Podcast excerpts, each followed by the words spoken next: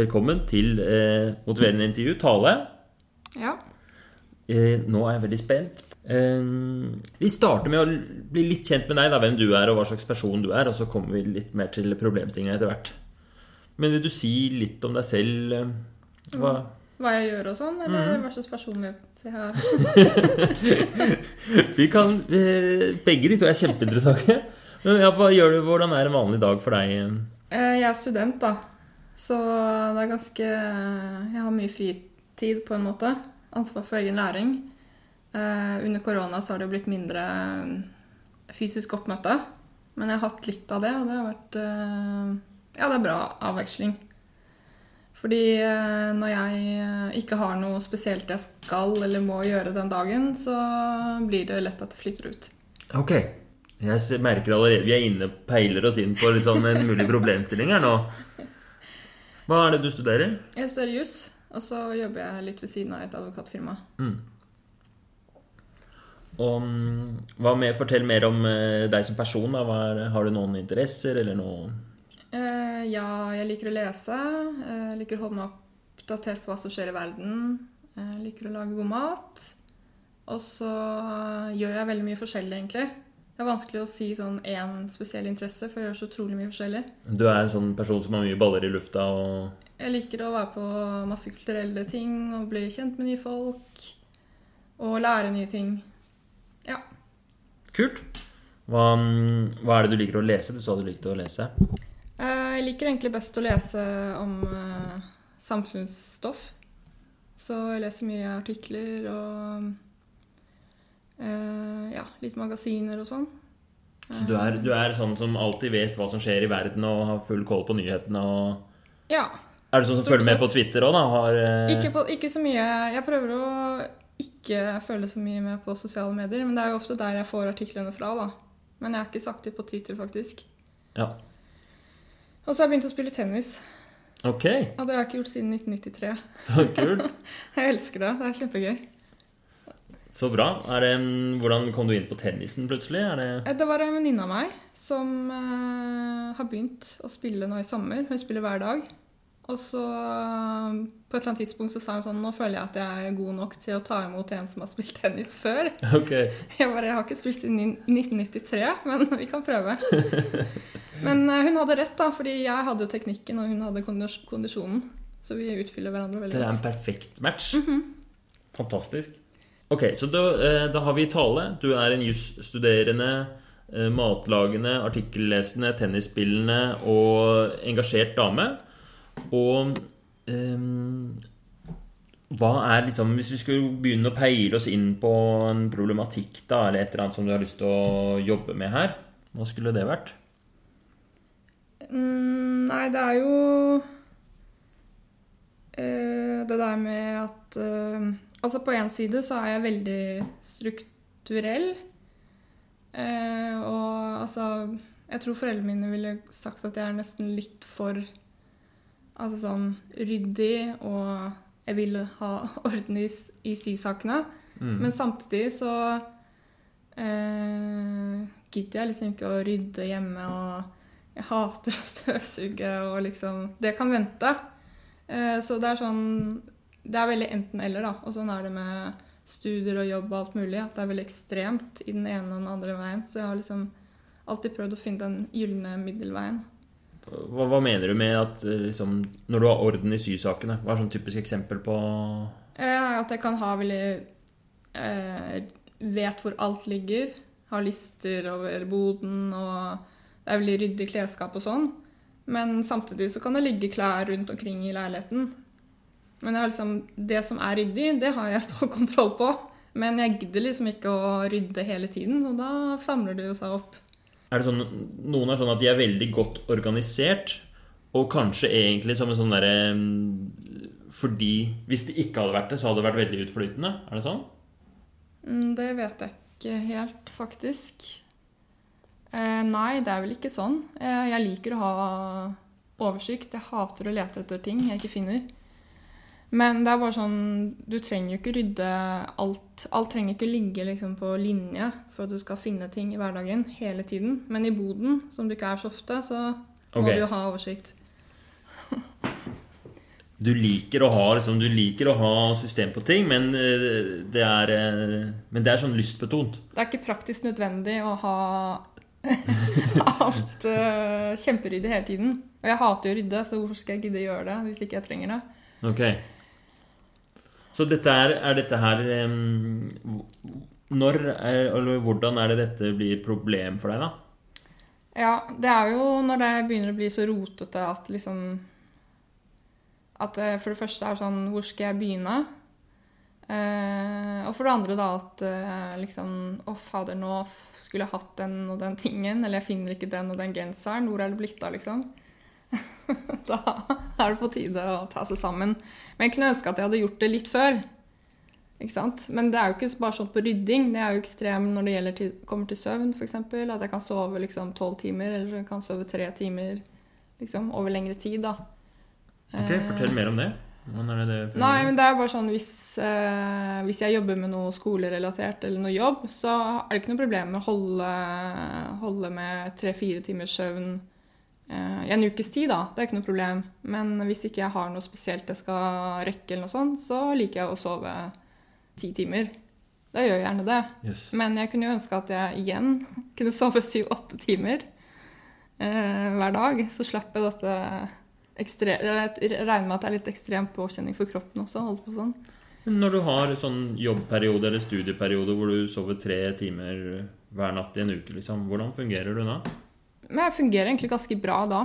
Jeg eh, Hvis jeg driver med noe jeg trives med, og jeg kan eh, Jeg kan få veldig mye energi av eh, ja, å jobbe mye, da. Eh, ja, ja, selvfølgelig, jeg blir trøtt, men liksom jeg får også energi og gjør veldig mye. Og så har jeg alltid vært sånn skippertaksperson. Så jeg jobber best under press. Tre timer er kanskje litt lite, da, men uh, Ja. Men jeg klarer det over uh, en kortere periode. Du trenger litt den derre eh, deadlinen for å prestere. Ja. Mm. Det er i hvert fall da jeg presterer best. Og det er da jeg også sånn, kan få sånn rus av å Liksom hvis på jussen, da, så noen ganger skal vi ha sånn på en måte lekerettssaker. Eh, og da må man jobbe masse for å liksom eh, være forberedt på alle spørsmål og Ja, man må jo se begge sider av saken. Eh, og da stå der og være liksom så godt forberedt, det er jo sånn rus. Ok, Det digger du, Ja, liksom? det digger jeg. Da er får jeg så mye energi, så trenger jeg liksom ikke hvile og Mm. sove og sånn. Så mye, da.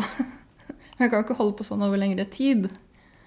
Jeg kunne ønske at det var en, liksom en, igjen da, en, en sånn uh, middelvei, hvor det var uh, litt gøy hele tiden, eller litt sånn utfordrende hele tiden, og ikke sånn ekstremt slakk.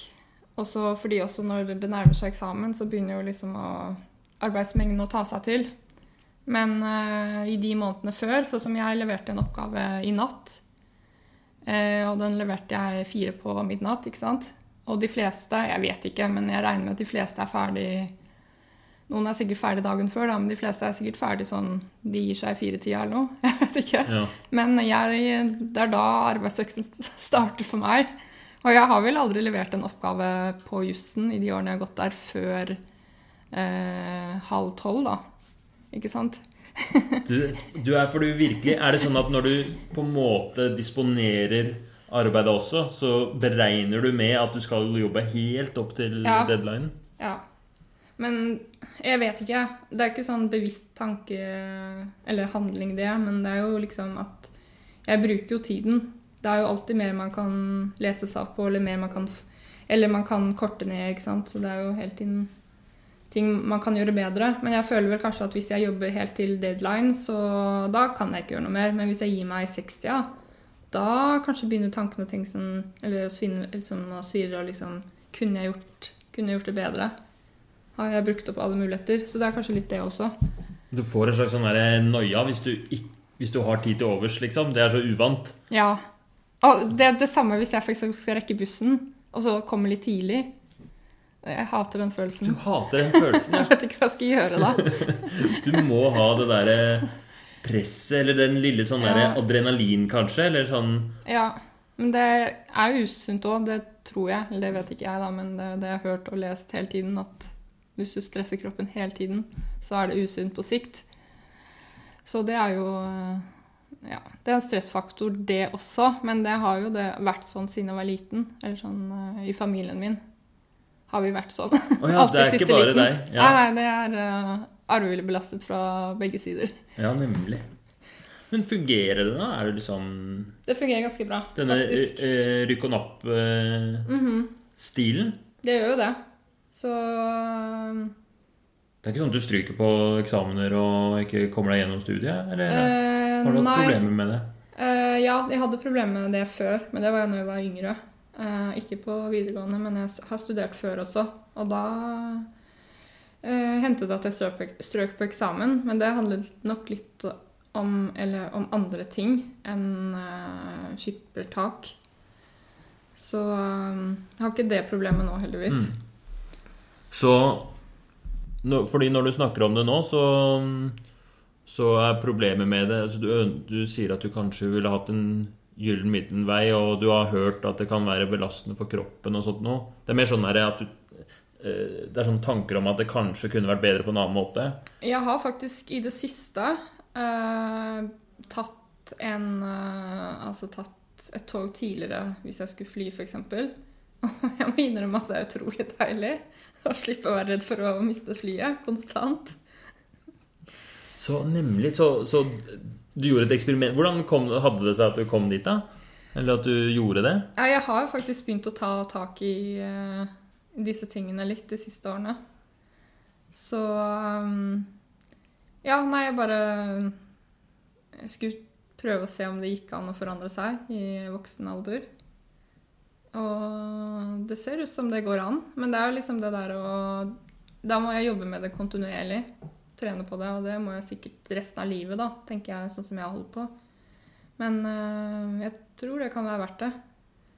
Hvis du skulle liksom spisse det inn på sånn én konkret, eller eh, liksom en liten ting som ville vært en sånn typisk endring som du ønsker deg da, på akkurat det her eh, Sånn eksempel eller sånn, noe som er en slags markør et eksempel kunne vært at liksom, kollektivtrafikk eller uh, møte opp på flyplassen i god tid. Hva, hva tenker du er det mest uh, Hva har du mest lyst til å Ja, det er jo veldig konkret, da. Og det er jo også noe som uh, vil heve livskvaliteten, tror jeg. Hvis jeg alltid tenker at jeg skal ta Men ikke sant Ikke bare én, én togtur før det blir krise, men også en togtur før det igjen. Fordi jeg har egentlig vært litt sånn avhengig av at flyet er litt forsinket. ok. Har du mista flyet noen gang? Uh, jeg har gjort det én gang, men da var det faktisk ikke min skyld. men jeg har jo kommet for sent med å nytte mange ganger til ting. Mm. Det gjør jeg, altså Sosiale ting, vorspiel og fester og sånn. Da kommer jeg aldri presis, men da da, liksom, da, kalkulerer jeg også inn at jeg kanskje drar hjemmefra hvis det står det begynner åtte. Da drar jeg hjemmefra åtte.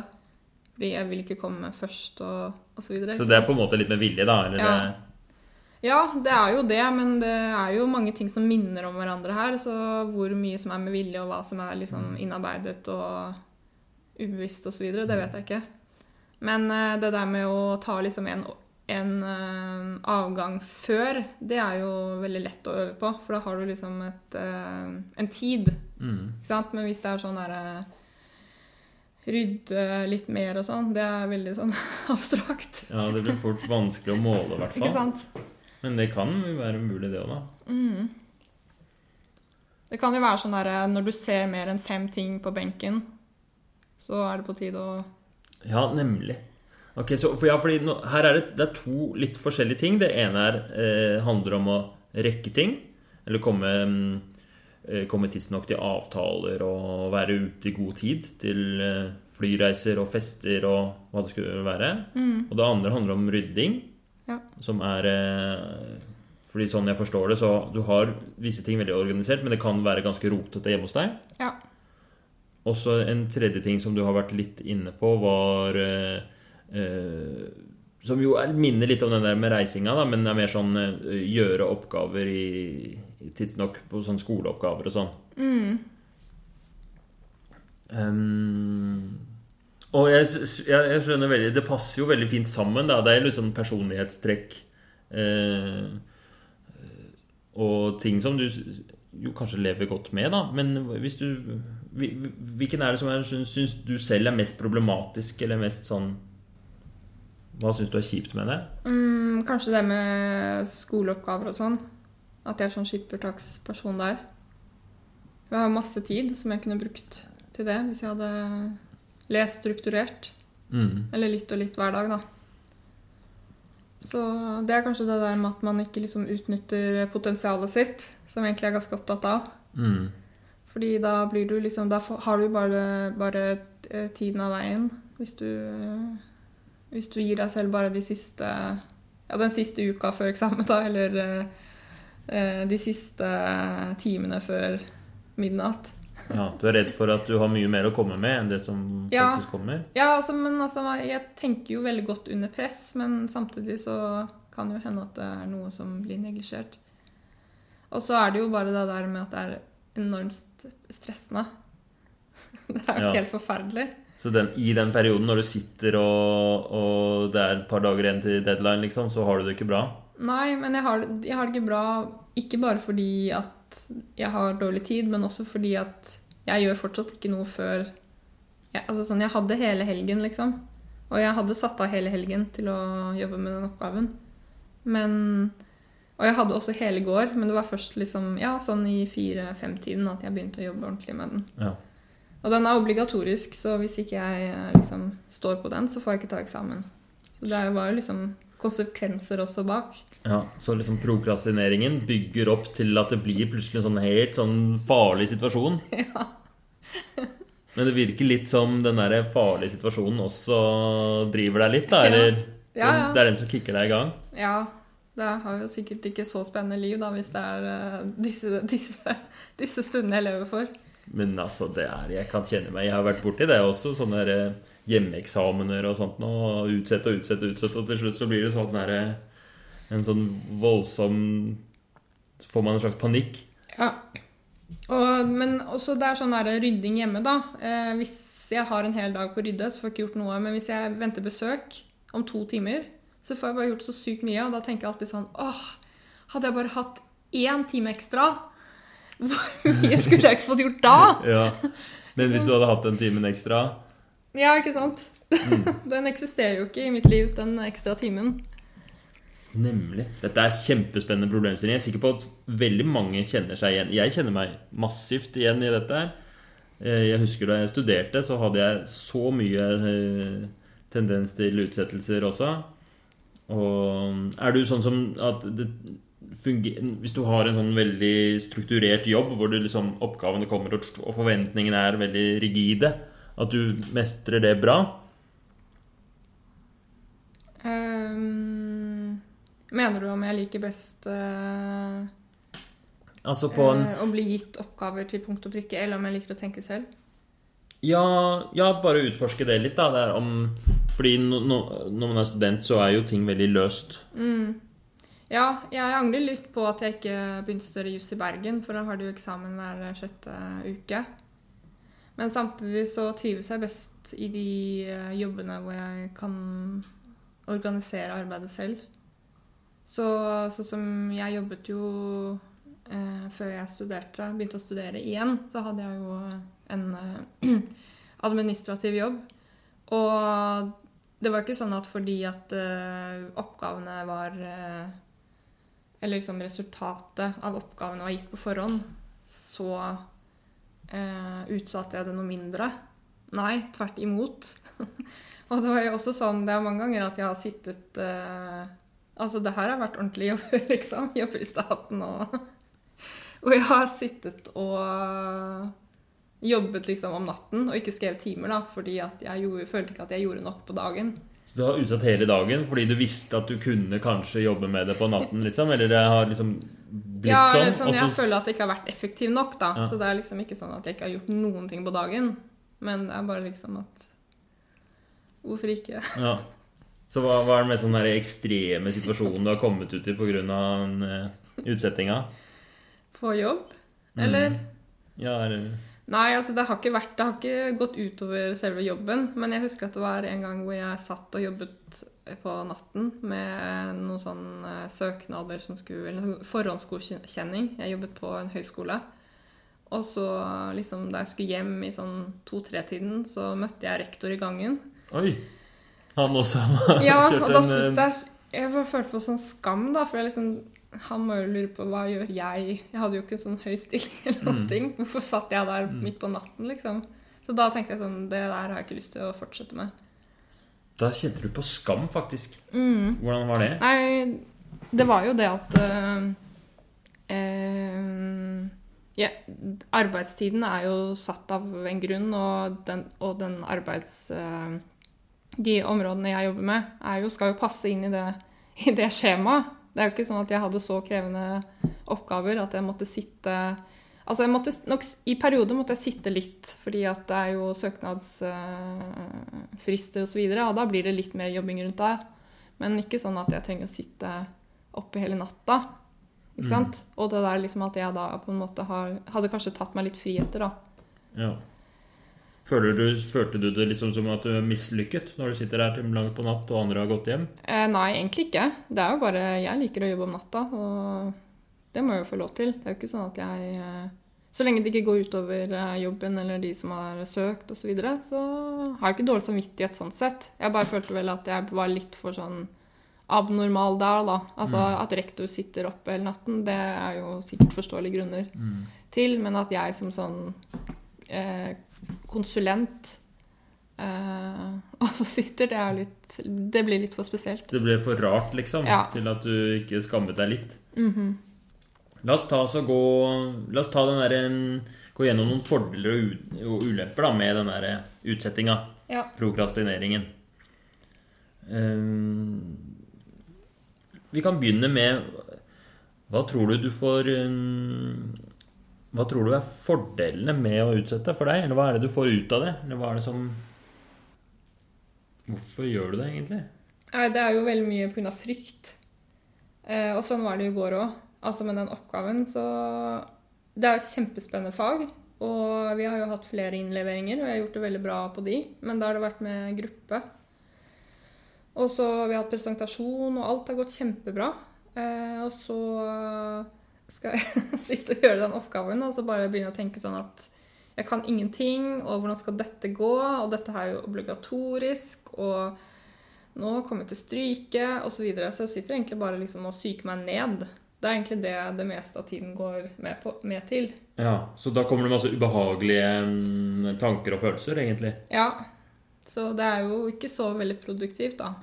Hva er det du gjør da, når du får de?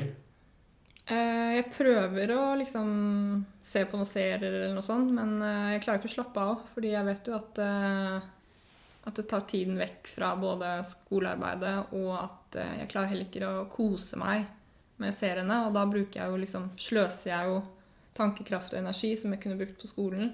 Mm. Men hva er det som er på en måte fordelene? Eller er, for, er det noen sånn, noe sånn skjult fordel med å gjøre det på den måten? Ja, det mm, er det helt sikkert, siden jeg driver med det. Jeg vet ikke helt Jeg syns ikke det er noen fordeler ved det, fordi jeg føler ikke at eh, Altså, det er jo fint å kunne jobbe under press og sånn, men jeg føler ikke at det er det jeg stort sett gjør. Jeg føler at jeg jobber veldig lite, ekstra lite. Mm. Ikke sant? Fordi at det meste går med til å psyke meg ned. Ja. Det er jo ikke jobbing med skolen. Så det er, hva er det som skjer da? Er det, har du på en måte, når du har den oppgaven, har du egentlig satt av tid og bestemt deg for å jobbe med den, og så, men Ja. du gjør det ikke? Ja, og så vet jeg jo erfaring at jeg ikke trenger all den tiden. For jeg Ja. har jo klart meg med kort tid eh, hele livet. Så du setter av ekstra tid, Ja. fordi, og så ender det med at det er liksom halen av den tiden som blir brukt. Mm, jeg burde kanskje sett, ikke sette av så mye tid. Altså, jeg burde satt av bare den tiden jeg trenger. Det kan hende. Kan jo gå, vi kan jo etter hvert gå inn på litt sånn hvis eh, Snakke om det, da, om du har noen sånne forslag til å endre og sånt nå. Men la oss snakke om hva som eh, La oss snakke mer om liksom uh, ulempene på den andre siden? Hva er det dette tar fra deg, eller hva er eh, Hvorfor er dette så dumt, syns du?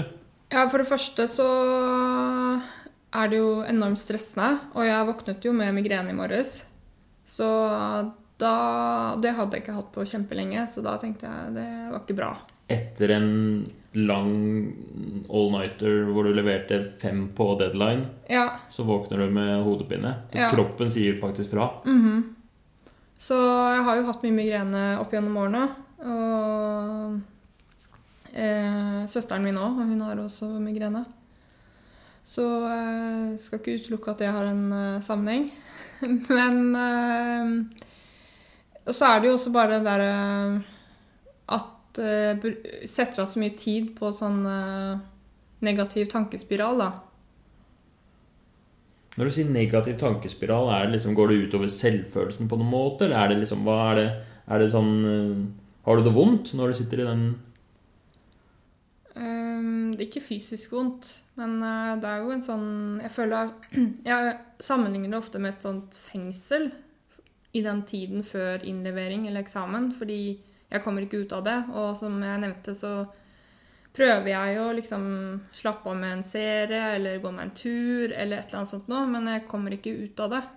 Jeg, det er umulig for meg å komme ut av den tankespiralen.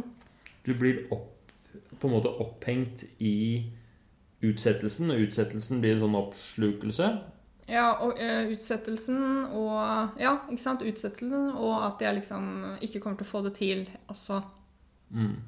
Så mye sånn selv, Er det selvbebreiding eller sånn derre sånn der, ned, ned, nedsyking av deg sjøl som skjer? Ja, det er jo det, fordi jeg vet jo også Sånn som i går så skjedde det et par ting som gjorde at jeg fikk, ble litt sånn gladere, da. Og da tenkte jeg åh, nå dette, er, dette var det jeg trengte. Eh, og så begynte jeg liksom å skrive litt, da. Og så liksom «Oi, Ok, dette var jo ikke så ille. Kanskje jeg bare kan Hvis jeg leser litt til, kanskje jeg finner noe mer og sånn. Ikke sant? Så eh, Hva var det du spurte om igjen? Ja, sånn, mer sånn innholdet i de ja, ja, bare Det var veldig bra, det. Hva er det som skjer inni hodet, liksom? Nei, altså, Den der negative Den er veldig ødeleggende. Det er bare sånn der, Da ser man liksom ikke noe utvei. da. Altså sånn, Jeg har jo masse bøker.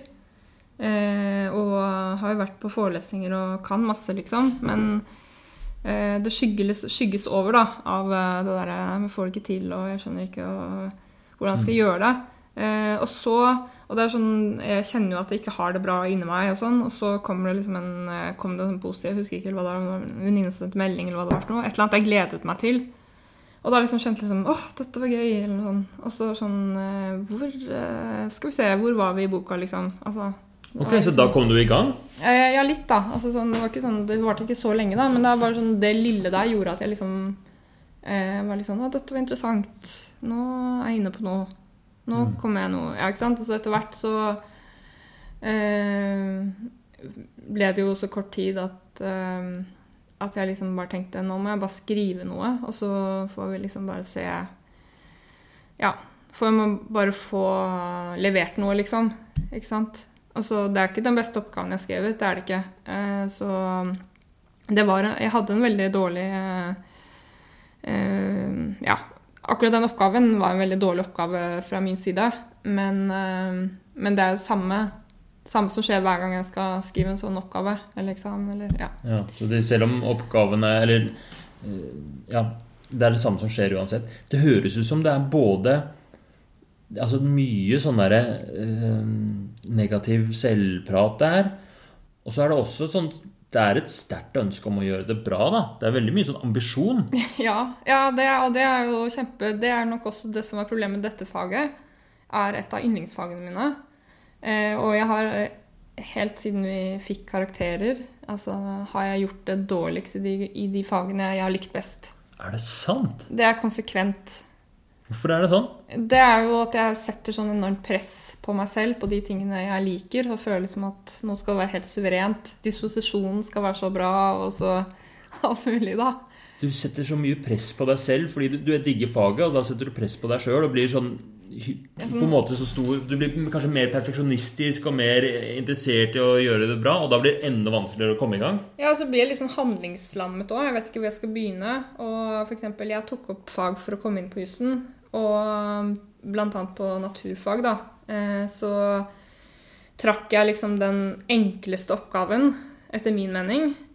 Og da kjente jeg bare at Altså, bare luften gikk ut av ballongen, liksom. For jeg bare sånn Jeg vet ikke, visste ikke hvor jeg skulle begynne, liksom. For det var så liksom så kjedelig spørsmål, da.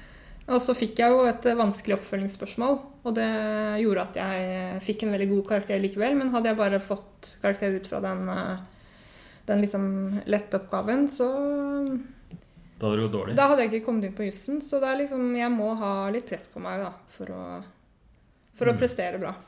Du trenger en slags, eh, en slags flyt av eh, press, adrenalin eh, og panikk for å Ja. virkelig få ut det beste i deg. Ja, og så er det jo også det at øh, øh, Nei, nå glemte jeg hva jeg skulle si. Altså, det er både det med Det der at jeg trenger press, øh, men også det der med at hvis det er noe jeg ikke er så interessert i, så føler jeg ikke at det er så øh, Hva heter det? Det er ikke så mye som står på spill, da. Det er ikke så farlig, liksom. Det er ikke så farlig. Og Og da er det lettere for deg å jobbe. Ja, da kan jeg alltid si etterpå at ja, ja, men jeg er ikke interessert i det der, så Mm. Det så føler jeg liksom er en veldig sånn akseptabel grunn ute, ute blant folk. Hvis Ja. man sier sånn ja, men jeg er ikke interessert i det. Å ja, men da Ja. Selv om jeg snakker jo ikke med folk om dette, da, Mm. men det er jo sånn hod, stemmer i hodet, da. Så på én side så er det jo du, Det er ikke før presset på deg er sånn enormt at du kommer i gang med jobbinga når liksom deadline kommer nærmere. Men samtidig, jo større press det er av andre grunner, fordi du f.eks. liker faget, jo vanskeligere blir det, liksom. Ja. Så det er på en måte to typer press. Ja. Den ene, den derre tidspanikken, den hjelper deg, mens det derre øh, Det derre hvor viktig en ting er for deg, en oppgave er for deg, det gjør det vanskeligere. ja. Fascinerende. Hvor i denne utsettinga øh, har det noen konsekvenser for deg ellers? Liksom, går det utover andre deler av livet ditt? Altså, det, jeg, jeg nevnte jo helse, da. Uh, og så blir det jo sånn at uh, jeg kan få en veldig sånn tomhetsfølelse etterpå. Fordi jeg har investert så mye ja, tid og energi i akkurat den oppgaven. Og da blir det jo liksom dagene i etterkant at jeg på en måte kanskje tar litt fri, da. Så blir det jo veldig ekstremt igjen. Det er, Det er da du sover over ti, ti timer i døgnet og Ja, og liksom bare Ja.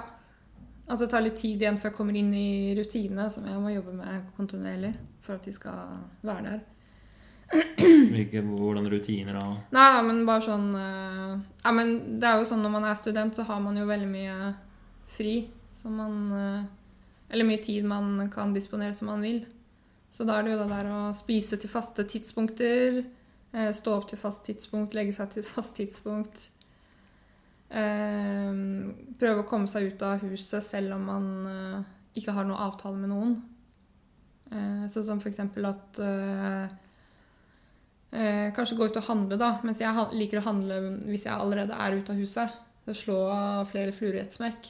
Men jeg er ikke så god på å liksom, gå ut og handle hvis ikke jeg allerede er utenfor huset.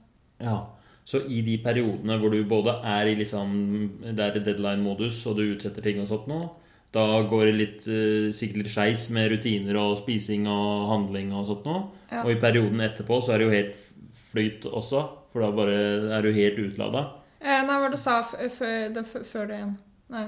At, at både liksom av denne utsettinga og jobbinga, at det blir så liksom veldig kraftig panikkjobbing på den ene siden, og den der helt utladninga etterpå, det går utover at det ikke alltid er mat i kjøleskapet, og at eh, du spiser til uregelmessige tider og ikke kommer deg ut og sånne ting. Ja. Har det det at du driver og eh, utsetter og stresser med dette her eh, har, har venner av deg kommentert og liksom plager det andre enn deg? Nei. Det er ikke noen Det er veldig få som vet om alle disse problemene mine. Jeg har noen ganger prøvd å si det til noen venner, men de, de sier sånn Ja, men alle har problemer og liksom sånn. Fordi eh, hvis hvis du hadde kommet hjem til meg, så hadde du liksom ikke sett noen problemer. Det har jo, da er det ryddig og liksom eh, Jeg har jo Altså, jeg har alltid mat i kjøleskapet. Det har jeg, da. Så jeg er veldig eh, opptatt av mat. Men eh, Og jeg klarer jo å møte til avtaler og er jo veldig aktiv. Folk syns jo at jeg lever et veldig aktivt liv, så det er jo vanskelig for de å vite alle kampene. Ikke sant? Mm. Så for alle andre så virker du som du egentlig sånn perfekte jusstudent, har ting på stell, jobber i advokatfirma, får gode karakterer, lager dritgod mat og er sånn fest å være med. Mens eh, det de ikke ser, er den derre kampen for hver eneste side med artikkel du skal skrive, liksom. Ja. Så er det en krig. Det er jo det jeg får inntrykk av. At det virkelig er en sånn derre Så mye intens, eh, tung tankevirksomhet som du går gjennom. Ja, men eh, det er en ting vennene mine vet, og det er at jeg er, eh, kommer for seint, da. Det vet de. Ja. For det er sånn har vært siden jeg var liten. Men jeg, jeg kom aldri for seint på skolen, f.eks. Og jeg kommer ikke for seint på jobb. Kommer ikke for seint til intervjuet her heller. Nei da, så det er sånn hvis, hvis det er noe som er viktig, så klarer jeg å holde tiden. Ja, Hvis det er en grad av konsekvens, eller hvis det er liksom Ja. eh, farlig nok. Men alle sånne mm, så, sånn, En sånn venn som liksom du vet du blir tilgitt av fordi de er så vant til det. Ja, så, det er farlig. Men jeg liker det er ikke noe sånn du, men det er jo ikke Du vil jo ikke Nei, jeg vil ikke selv, og det er forferdelig hver gang det skjer. Jeg har kjempedårlig samvittighet hver gang jeg kommer for seint. Og når jeg ser at det begynner å Ok, nå kommer jeg til å komme for seint, så er det liksom sånn Skal jeg sende melding igjen, eller skal jeg være? Og det er sånn Da kjører er det tankekjør igjen da, da. Så det er egentlig mye Høres ut som du har liksom sånn eh, innslag av dårlig samvittighet og sånn vurdering og sånn åh, nå gikk det skeis hele tiden. Virker som en følelse du virkelig lever med. Ja, det kan bli litt mye av og til. Er du sliten av det, liksom? Det Jeg er ganske lei av det. Så jeg har jobbet med det de siste årene. Eh, Det der med Men det er som jeg, jeg tror jeg skrev det til deg, at det der med at når man ikke er eh, eh, helt vant til å liksom uh, uh, man er ikke trent til å vite liksom hva man selv syns er greit og ikke. Eh, eh, så Altså, man blir ikke alltid like bevisst det der negative tankekjøret, da, fordi det har liksom vært der hele livet. Eller så lenge Ja, man Du kjenner ikke noe annet. Nei, så jeg liksom vet ikke eh, når eh, det er ubehagelig, og når det er nødvendig, på en måte. Eller sånn når det er unødvendig ubehagelig, og når det er nødvendig. Ja. Så det har jeg prøvd å jobbe med i det siste, da, at jeg liksom Om jeg kan trappe litt ned på de greiene der. Hvordan er det du gjør det? Bare liksom eh, Altså sånn, nå må jo en del av vennene mine ha skjønt at sånn er jeg, liksom. Og det må Ja. være en del av pakken, da. Eh, nå har jeg jo en del venner som er sånn selv, og det gjør jo at eh, at jeg har begynt å trene på det, tror jeg. Nettopp fordi at jeg da kan slappe av litt. ja, trene på og eh, ha liksom framme i bevisstheten at det er faktisk ikke så farlig om jeg kommer for seint. Mm. Er det det du mener? Ja, og når det er lettere når andre er sånn. Men uh, i oppveksten så hadde jeg bare veldig presise venner. Så da ble man jo alltid hengende etter. Og så um, Men liksom for min del da, så var det nesten umulig å gjøre noe med det, fordi det var sånn i familien. Alle i familien var sånn, så det var liksom vanskelig å trene på Ja, det. Så selv om du var tidsnok ute til å stå utafor døra, så var det en annen som Ja, ja, inn i alltid, bilen? liksom. Liksom. Så da blir liksom Det blir bare så normalt da, at du ikke tenker på det. Men uh, Hvordan var det når familien skulle ut og fly? Ja, nei, det, det er mange ferger som har blitt mistet, f.eks. Så Det er jo Ja. På en måte så kan man se på det at det ler litt av det og sånn, men det er jo det er skikkelig kjipt å miste en ferje. mm, det er det. Og det har vært, eh, det har vært eh, store konsekvenser for familien med ting vi har mistet. Begravelser og sånn. Og når jeg da Jeg nevnte jo at jeg hadde mistet flyet en gang. Eh, hvor det var eh, Altså, jeg hadde jo ikke mistet det hvis jeg hadde vært veldig god tid i forveien, men eh, det var eh, en feil informasjon da, som gjorde at det var ikke bare jeg som mistet eh, det flyet, det var flere som sto der også. Men eh, da skulle jeg i onkelen min sin 80-årsdag eh, på eh, Sunnmøre, eller på, på Møre. Og da, liksom, når de fikk vite, de andre i familien, at uh, jeg hadde mistet flyet, så var det sånn Ja, ja, nei, men det, det De hadde greint med noe annet. Det kommer jo fra den familien. Alle tenkte det var din skyld, ikke sant? Nei, Ja, liksom, altså, ja. Det er sånn det er i den familien, Ja. liksom. Altså, sånn, det var ikke noe rart. Det er helt Altså, å gå glipp av begravelse òg, Ja. det er eh, Det er jo vondt, liksom. Mm. Hvis vi går igjennom Hva er det du har em, Har du prøvd Eller det vet jeg du har gjort, da. Du har sikkert prøvd alt mulig forskjellig. Teknikker og sånn for å prøve å bøte på den utsetninga og Ja, jeg har ikke prøvd så mye, da. Ehm, jeg har jo bare prøvd liksom eh, Prøvd å skjerpe meg, men det føler jeg ikke hjelper, da. Du må være litt mer konkret enn det. Ja, det tror jeg du har helt rett i. Man sier jo Jeg tror i hvert fall Er det ikke sånn at som du har utsatt øh, oppgaven til det siste, og så sier man jo alltid sånn neste gang Fy fader, da skal jeg komme så godt i gang, liksom. Og lover seg selv. Ja, ja, ja. Mm. Det, Men det har tydeligvis Eller det vet man jo har ingen effekt av. Nei, men jeg, dette året her har jeg gjort så mange endringer. Så jeg okay. føler at jeg er veldig klar for å, å gjøre enda flere endringer. Hva er det hun har endra på, da? Nei, altså bare det at jeg har begynt å spille tennis. Eh, Jeg har begynt å sykle, så jeg sykler istedenfor å ta, ta kollektivtransport. Um, og så har jeg jo øvd på det der med å legge meg eh, eh, før eh, Ja, tidligere, da. Eh, og det har gått mye bedre i år da enn det har gjort Mm. alle andre årene. Så du er i et år hvor det skjer litt ting? Det, er litt sånn der, det er litt bevegelse i Tales liv, faktisk? Ja, det er faktisk det. Det har også medført masse positive ting. Altså, jeg har liksom Føler at jeg er sånn eh, Ja, gladere og at, uh, at jeg får mer av den der effekten som folk snakker om at uh, Som jeg ikke liker. Da, den der, hvis du smiler til verden, så smiler den tilbake. Det føler jeg ikke stemmer i det hele tatt. Men at jo flere positive ting det skjer, jo, mer, eh, jo enda mer eh, positive ting skjer. Ja, ikke Altså, sant? du glemmer litt sånn Hvis du du først kommer i gang med litt sånn positive Ja. endringer, så gir det en sånn momentum eller energi som Ja, og så glemmer du, litt glemmer du litt hva du har gjort, og hva som bare kommer til deg. Det blir liksom flyter litt over i hverandre. Ja. Så det er veldig deilig å slippe å ha sånn derre eh, regnskap, eller har jo egentlig aldri ført det, da. Ført regnskap over positive og negative ting, men det der med at liksom du Ja, det viskes litt ut hva, hva ting du har trent på, og hva som bare tilfeldigvis kommer til deg, da. Så bare blir sånn kjempe Sånn dobbel effekt av positive ting. Så kult. Jeg håper at vi Jeg, jeg syns det er så spennende å være med på denne prosessen nå. Um, hvis vi skal um, Jeg tenkte vi kunne ha en oppfølging om en uke. Hvis du skulle Hva hadde vært liksom en kul ting å prøve eller øh, følge med på til neste uke? Hva, eller har du noen forslag til Altså ting jeg skal trene på til neste uke. Ja, eller er det noen sånn situasjon du kommer opp i, i hvor, hvor liksom denne problematikken er veldig aktuell? Eh, Ja, altså for eksempel så har jo sykkelen min punktert, så den må jo til verksted. Og Mhm. det er jo typisk, da, at det får ikke jeg gjort før neste uke, fordi liksom Nå har jeg jo ferdig med den oppgaven, og så videre. Ok, Så, Så- det er en sånn typisk ting som du hadde utsatt? Ja, ja, ja. Altså, jeg har jo, jeg har jo satt opp i planen at jeg skal gjøre det i dag, liksom.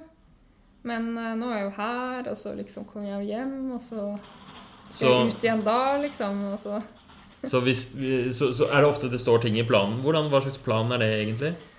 Nei, jeg har jo bare sånn vanlig Google-kalender, og så har jeg en sånn liste ved siden av hvor jeg skriver litt sånn eh, ting som haster, og ting som ikke haster, da. Så jeg pleier å få gjort eh, de tingene som haster, men de som ikke haster Sånn som med den sykkelen, det haster jo ikke. Nei? Da er det jo typisk at jeg ikke får gjort det, da. Så kanskje Så hvis du hadde fått gjort det innen neste uke, så hadde det vært en seier? Er det sånn? Ja, egentlig. Det er jo også fordi at liksom Hvis ikke den sykkelen virker, eh, ja, men da må jeg jo ta kollektivtransport, da. Og det er jo veldig deilig å slippe å sykle Mm. over eh, hele byen. Mm. Selv om jeg er veldig glad i å sykle, men noen ganger så er det jo lange avstander, og da er det jo deiligere å ta kollektiv. Ja. Det er veldig interessant. Det er fordi jeg tror at veldig mange eh, ja, at den der, Det med at du har, sant, du har det på lista, og du gjør jo alle disse Er jo veldig godt organisert. Og så er det den der gjennomføringsevnen som, eh, som er vanskelig. Har du flere eksempler på ting som du støter på eh, i løpet av denne uka her, som, eh, som er sånn typisk Fikk jeg helt hjert ja, jernteppe her? hjerteteppe? Hjerteteppe. Jeg har jo så, etter den oppgaven har jeg zoomet helt ut. Ja. Um, På en måte var det jo kanskje um, bra at vi var um, etter den oppgaven, at du ikke var midt oppi det eh, nå. Ja. Da. Men um, Nei, altså sånn eh, på eh, Det er jo to dager denne uken hvor jeg har eh, Hvor jeg skal altså jobbe på ettermiddagen. Og da er det jo liksom å få noe ut av dagen før jeg skal ut, da. I klokka tre. ja. Det er en kjempeutfordring for meg. ja, det er typisk. Det er sånn at Hva pleier du Hva er sånn vanlig Sånn hvor du er sur på deg selv? Eh, hva jeg pleier å gjøre Altså mm, en sånn dårlig dag da? Ja, Hvordan da er det jo sånn at uh, Ofte setter jeg av liksom tid til husarbeid til de Mm. dagene. Mm. Og da, da skjer jo ikke det. Hvis ikke jeg har press på meg, så skjer jo ikke det. Ja, Så du planlegger husarbeid, og Ja. så gjør du det ikke allikevel? Nei.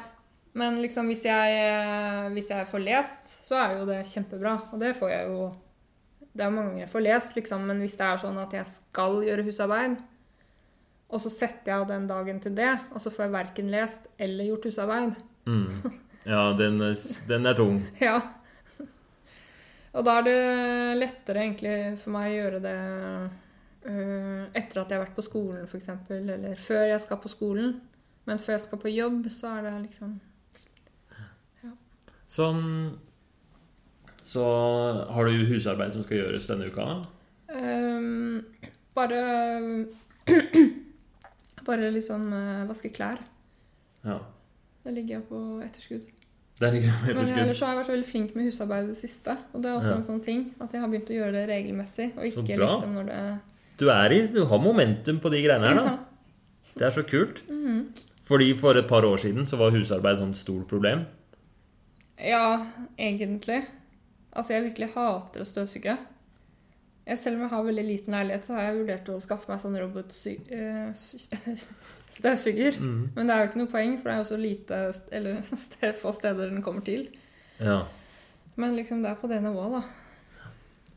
Nei, men det blir spennende å følge litt med på Jeg tenker til, til neste gang så blir det veldig interessant å følge litt med på hvordan, hvordan går det med den der sykkelen. Og hvordan går det med de dagene før du skal eh, jobbe ettermiddag. Ja. Så det må vi snakke om neste gang, da. Og da er det egentlig ikke tanken her at um, Det er ikke noe lekse at du skal uh, få det akkurat sånn som du vil. Men det som vi vil snakke om neste gang, er liksom hva hadde vært perfekt, og hva er resultatet, og hvorfor skjer det sånn og sånn. At det blir mer utforsking, da. Ja. Så em, Bare for å um, Ja, det blir veldig spennende å se. Hva, fordi jeg, tanken med et motiverende intervju er at ved å snakke om disse tingene og finne ut av liksom Å få satt litt ord på ting, så, så, så kanskje eh, hjelper det endringen som allerede er i gang. Da. Du er jo allerede Du har jo lagt masse planer, og du jobber med masse forskjellige ting, liksom. Jeg har et par konkrete eh, råd som eh, De har- jo vært borti pasienter eller andre gjester eller noe sånt noe som har lignende problemstilling.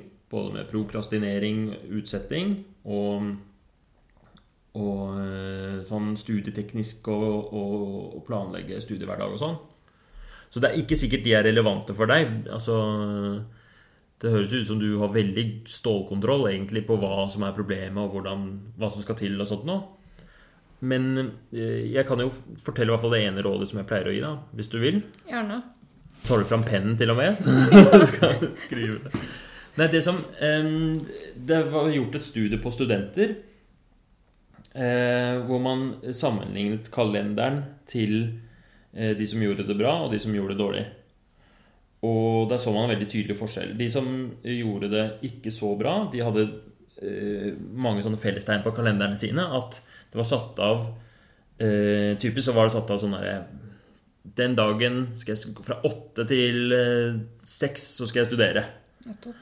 Og, mm, og eh, og så satt av veldig mye tid. Kjenn meg igjen det.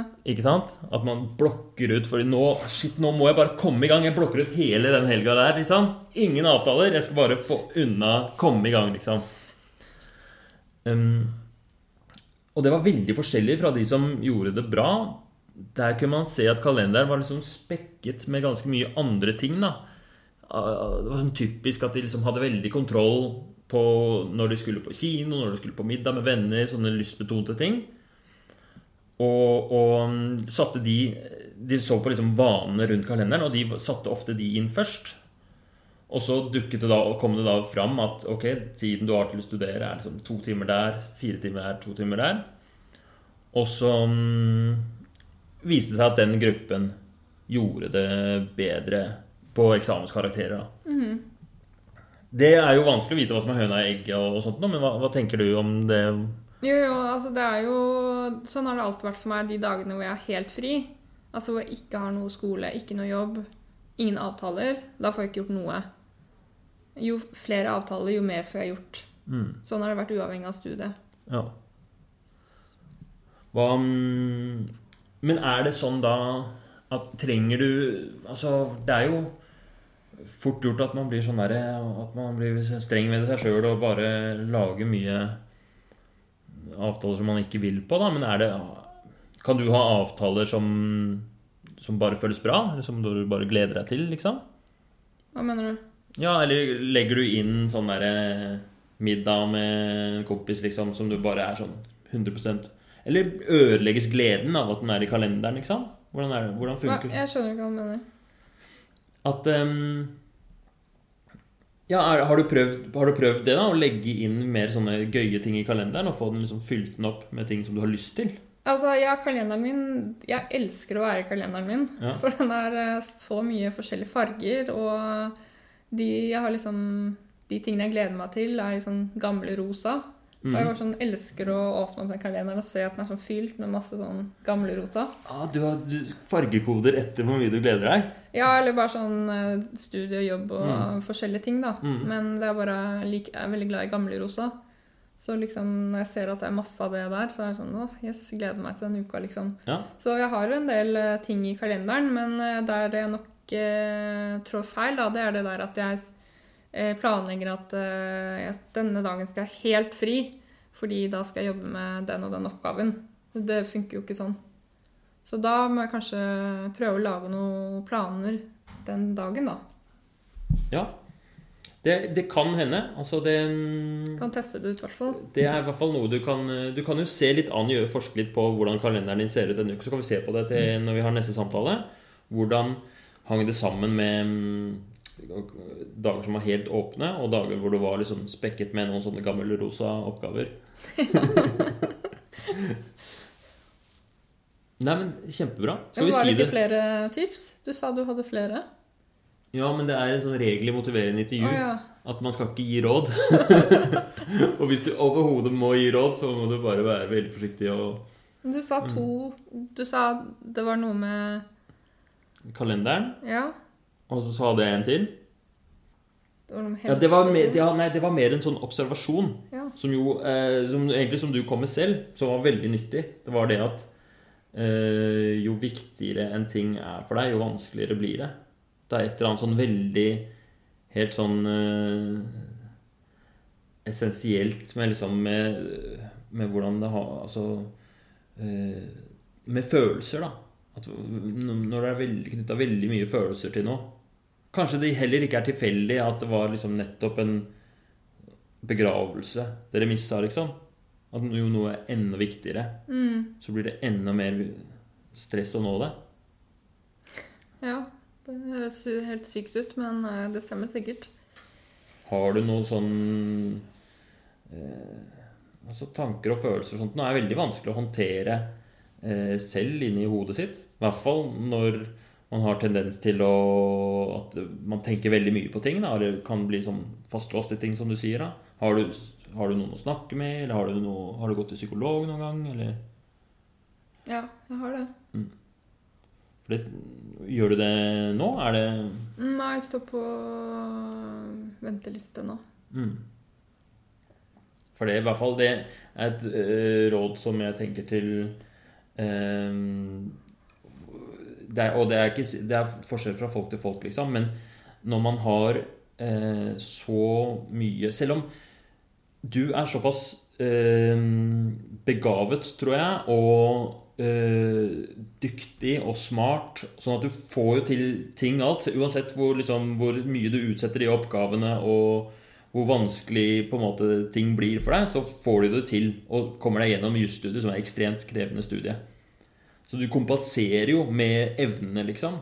Men jeg tror når man har så mye eh, Så liksom Det dukker opp så mye vansker og så mye kriging og streving i hverdagen, da. Så, så tenker jeg at det er eh, helt eh, veldig lurt å, å snakke med noen. Ja, ventilere litt. Ventilere litt. Mm. Enig i det. Sånn der Slipp å bære på dårlig samvittighet. I hvert fall hvis det er et Nå var det jo virka det som ikke det var noe voldsomt stort problem, da, men ser for meg sånn at når man ja, Eller jeg vet at mange kan kjenne seg igjen i det, da, og hele tiden gå rundt og ha liksom dårlig samvittighet. Og, og, og få liksom luft av det. Og det er jo ikke Altså, det er jo ikke din skyld, dette her. Du, gjør, du vil jo veldig gjerne Du vil jo veldig gjerne gjøre det bra, liksom, og, og disponere tiden bra og gjøre det bra på studiet. Det er ikke din Du, du, du har de korta du har, liksom, og denne, dette personlighetstrekket eller denne tendensen er ikke noe som du bestemmer over. Så, så det er på en måte absurd å ha dårlig samvittighet for det. Du vil jo rekke den begravelsen. Det var ikke min skyld, altså. Nei, Det var familien min. ja. ja. Mm. Nå kom jeg på eh, det andre rådet som Jeg visste det var et Ja, du sa det, og jeg, jeg, jeg glemte at det var Ja, men nå har jeg det. Um, fordi eh, sånn jeg forstår det Eller veldig mange pasienter har problemer med det å komme i gang med oppgaver. Det er særlig det å komme i gang. Når man først er i gang, så er det ofte lettere å finne flyten. Kjenner du deg litt igjen i det? Eller? Ja. Og et, eh, et råd som jeg eh, gir til pasienter for, Fordi man setter opp en sånn to do-liste, ikke sant? og så er det masse greier på den, og, og så er det Men så, så blir det til at man bare driter i hele pakka. Eh, Så rådet jeg ofte gir, er at man eh, enten istedenfor eller i tillegg eller på en eller annen måte lager en have done-liste. At man starter med å Ja. ikke sant? Du skriver to do-lista di, og så eh, Ok, det er to do-lista. Og så er det jeg har liksom, Hvor er jeg på vei? Så skriver man ting man har gjort kanskje den siste dagen eller uka. Eller liksom, jeg har jo for eksempel, hvis du lager en, eh, jobber med en skoleoppgave, så kan man skrive sånn Jeg har lest de og de artiklene, jeg har jo faktisk vært på de og de forelesningene, jeg har kommet i gang med sånt. Sånn at du ikke føler at du er på starten av en oppgave, men mer sånn midt i. Og av en eller annen grunn, det å skrive to do-liste over ting man har gjort, og så krysse av, og så sjekke, det gir en liten sånn dopamin, en liten sånn ah, yes, jeg er i gang. Som da kan hjelpe med å Det, det, komme i gang med en oppgave. Har ikke, det har jeg aldri gjort før, men det skal jeg begynne med. Fordi jeg har gjort noe lignende, og det er sånn der eh, Skrive sånn sk Nevne to ting man er fornøyd med den dagen, ikke sant? Ja, ja. Eh, men det minner, da. Det minner litt om det. liksom, At du skal eh, Du skal ha gjort noe den dagen. Eller du skal og du skal Og når du får det ned, da, så er det liksom Å ja, ok, da har det ikke vært så verst dag, da. Da, er det ikke, da roer det kanskje litt ned presset på at denne dagen må ikke bli så krisedårlig, liksom. Og så, Ja. Det er i hvert fall eh, det er mange som har hatt nytte av det. Og jeg, for min egen del, så når jeg skriver en to do-liste, så hører det alltid med en liten have done-liste i tillegg, liksom. Det er en del Ja. av samme Ja, men altså um, Hva gjør du først? Ah, nei, altså, hva mener du? Du skriver den Ja, nei, ikke sant? Jeg skriver sånn to do, og så skal jeg sette i gang. Og så det, kanskje det første jeg gjør da, er å Ok, hva, men hva er det jeg har gjort allerede? Og så Ja. får jeg liksom Og da skriver du opp eh, altså eh, kontinuerlig? Eller sånn mener du Ja, det altså- kan jeg, jeg Det er litt sånn Du, du tar ikke en sånn på slutten av kvelden, og så skriver du alt du har gjort? Du skriver opp etter Jeg, hvert? jeg skriver det opp etter hvert. Jeg skriver det gjerne sånn at eh, jeg er jo på en måte i sånn modus av at nå skal jeg sette i gang med noe. Og det er da jeg gjør det. Yes. Ikke sånn på slutten av kvelden nødvendigvis. Selv om det er fint, det òg, men jeg gjør det liksom nesten som en sånn derre Ja, start sånn engine ja, Ja, ok. Kult. I samme Ja. Mm. Så det, jeg, jeg vet ikke om dette vil eh, hjelpe deg, men det er i hvert fall eh, det har, har andre både liksom pasienter og gjester på podkasten og sånt nå prøvd tidligere med ganske god effekt. Kult. Men skal vi si, si det sånn at vi blir spennende å se litt mer observasjoner til neste uke. Hva, hva er det som funker, hva er det som ikke funker? Og kanskje eh, tenke litt på sånn konkrete endringer eller rutiner eller noe sånt, noe som kan være eh, noe som du får ut av det helt til slutt, da. Om du kommer fram til det. Ja. Det hadde vært kult å sitte igjen med, liksom, etter disse to samtalene, en, eh, en innsikt eller en plan eller et eller annet. Mm. Høres det greit ut? Enig. Ja, men Kult, da runder vi av der.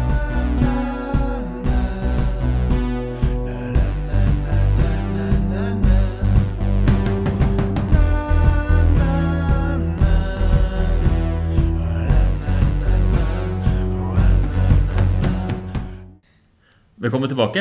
Eh, Nå har det gått en uke siden sist du var her, Tale. Så nå er jeg spent. Hvordan, eh, hvordan har uka vært? Det har vært en bra uke, eh, men den har vært litt adhoc. Litt, eh, litt uvanlig. Fordi sist jeg var her, så snakket vi om at jeg hadde to dager hvor jeg skulle på jobb på ettermiddagen. Hvor, hvor jeg ikke hadde så mye på formiddagen. da. Og hvorvidt jeg kom til å få gjort noe før jeg dro på jobb.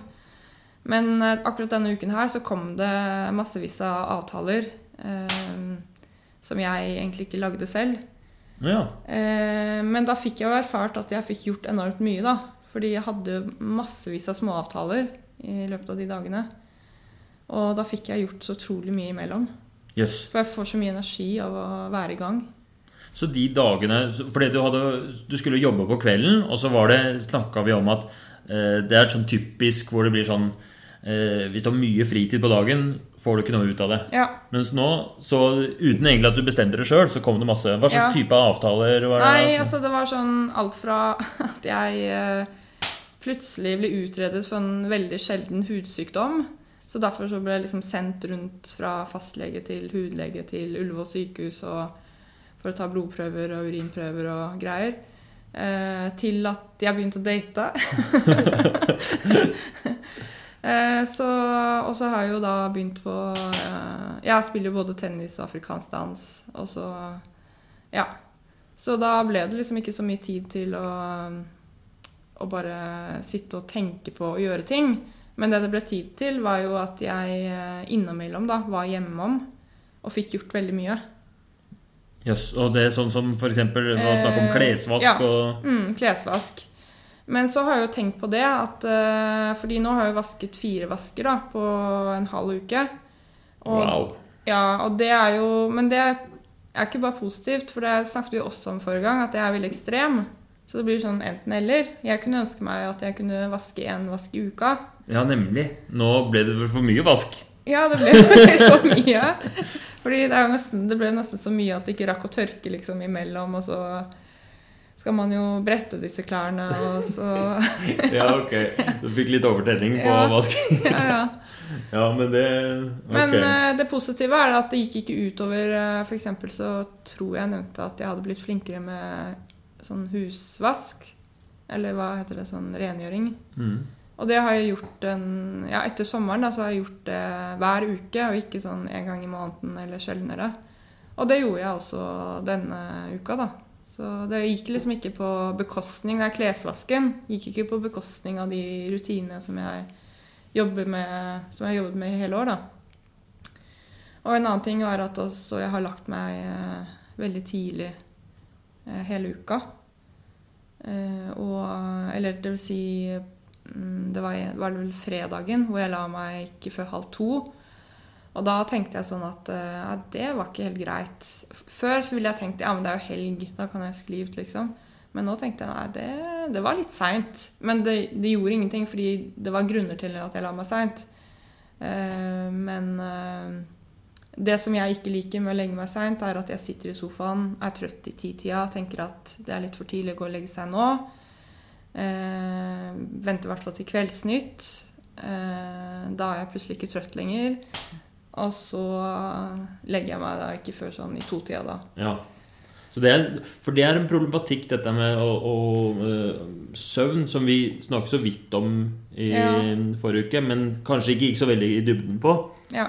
Men det alt sammen henger jo litt sånn sammen, da. Eller det er, Mm. det er veldig interessant at øh, For vi snak, snakket jo om dette med at disse fulle dagene som settes av enten til, til studier eller sånn Nå skal hele denne dagen gå til å Når det ikke er spekket med sånne små, fine En liten dans her og en liten date der og en liten blodprøve der, liksom. Ja. Så at det skjedde, gjorde Det passer jo veldig fint med det som jeg tror er veldig vanlig, da, dette her at sånne eh, store blokker med tid som liksom har mye press på seg, kan være litt sånn skremmende og vanskelig å håndtere for mange. Mm. Men så kult. Hvordan gikk det med den sykkelen, egentlig? Ja, nei, jeg fikk ikke gjort noe med den. Men jeg har jo For det har jo vært veldig fint vær, så jeg har gått veldig mye. Eh, Så jeg vet jo det er prokastineringen som har gjort at jeg ikke har levert den sykkelen. Men det positive er at jeg har begynt å gå. Fordi etter at jeg begynte å sykle, så har jeg nesten vært litt allergisk mot å gå. Å ja, nemlig. Eh, At jeg liksom syklet selv om det har vært sånn kjempekorte avstander. Eh, Men nå har jeg jo gått eh, har kjempelange avstander. Så jeg har tatt lite kollektivtransport. Så sånn sett så har det liksom ikke vært så ille. Men Mm. jeg kunne jo liksom ha ordna den sykkelen og likevel gått, kanskje. Ikke sant? Det der med å være imellom. Har du hatt mye Har du stressa over det? Søren, jeg Nei, jeg har egentlig ikke det. Jeg har jo stressa litt pga. det programmet her, da, at jeg tenkte at jeg skulle i hvert fall klare det. Men uh, egentlig så har det jo Har jeg bare tenkt at den sykkelen kan jeg ta når som helst. Så lenge jeg liksom fortsatt er i aktivitet, og ikke liksom bare tenker at ja, ja, men da får jeg ta kollektiv, da. Fordi eh, det er jo ikke bare pga. korona at jeg ikke vil ta kollektiv, det er jo også fordi at jeg vil holde meg i aktivitet. Fordi jeg er jo student, og da er jeg veldig sittestillende. Så sånn sett så har det ikke vært så ille. Nei. Nå er det jo snart vinter òg. Skal du sykle hele vinteren? Er det planen? Nei, nei, jeg skal nok ikke det. Nå har det jo snødd, så nå må vi jo snart få den i kjelleren.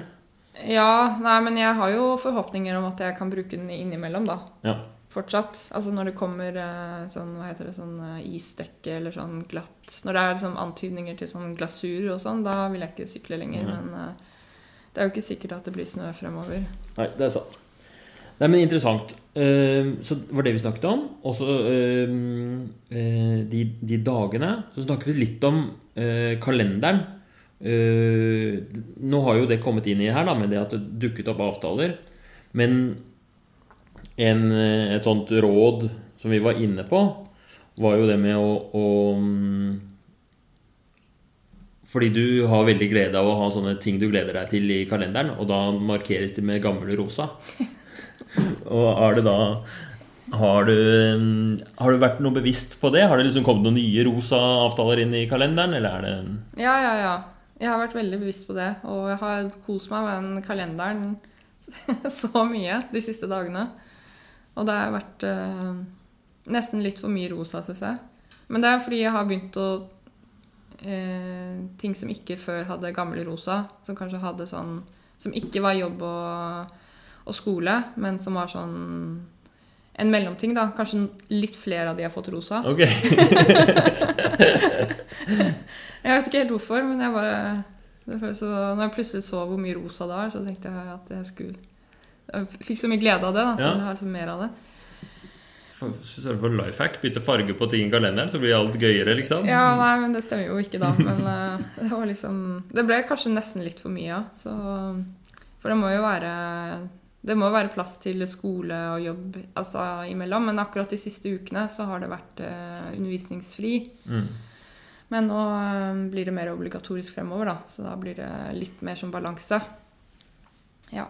Men hva tenker du nå Hvis vi ser på den her erfaring som har vært Hvordan var det å være på et motiverende intervju, og så gå igjennom den uka mellom. Hva, hva tenker du nå, liksom? Hva, nå var det, det var mye spørsmål på en gang, da, men eh, det første jeg lurer på, er egentlig sånn, hva, hvordan syns du det har vært å, å snakke om disse tingene og være på motiverende intervju? Ja, altså Den uken imellom altså fra forrige gang, den var jo helt forferdelig. Eh, jeg er jo en veldig selvbevisst person, så jeg tenkte jo på alt jeg ikke burde sagt, og hvordan dette her kom ut, osv. Men etter å ha hørt på Vi hørte jo litt på sendingen i stad, så det var ikke så ille, da. Men det var kanskje litt sånn ting rundt jobb og sånn som jeg tenkte kanskje var litt sånn dumt at jeg sa, da. Men uh, ja. ja. Det er jo en veldig spesiell situasjon å være i på en måte eh, terapi i gåsetegn på podkast. Det er Ja. jo nesten sånn paradoksalt. Fordi litt, eh, litt av poenget er jo å kunne snakke fritt. Og så hvis man da begynner å tenke sånn Ja, men hva tror folk om meg? Så mm, Ja, jeg tenkte kanskje litt sånn at hvis en potensiell arbeidsgiver hadde hørt på det, da, så hadde de tenkt at ja, hun er i hvert fall ikke aktuell hos oss. Men samtidig så er det jo Disse problemene er jo ikke så store at jeg ikke kan utad ha et normalt liv.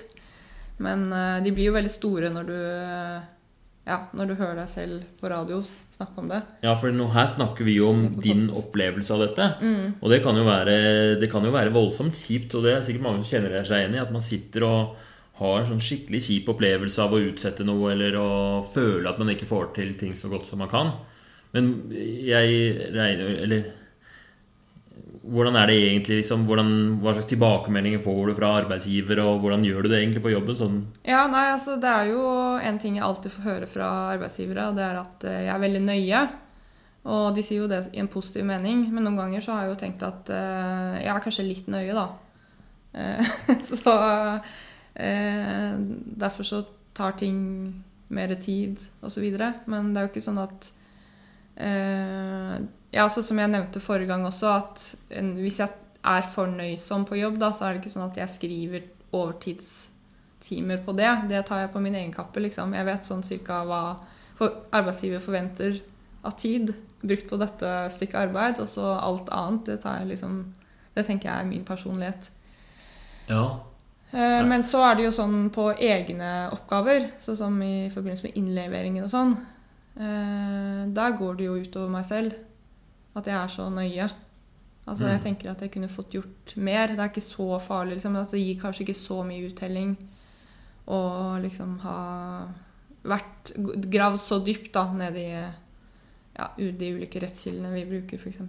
Mm. Altså det er mer sånn der, eh, at du må få, få med flest mulig. Ikke sant? Jeg synes det er eh, Og selv om man blir selvbevisst og syns det er ubehagelig med et sånt eh, intervju, så var det altså eh, utrolig kult eh, eller godt beskrevet og reflektert og en sånn helt veldig vanlig menneskelig problematikk som, som jeg tror mange har Jeg har hatt gjester på podkasten før òg. Som har hatt mye sant, Som har slitt med prokrastinering av forskjellige måter. Og, så, og ja, det er mange som har, som har hørt på den forrige episoden.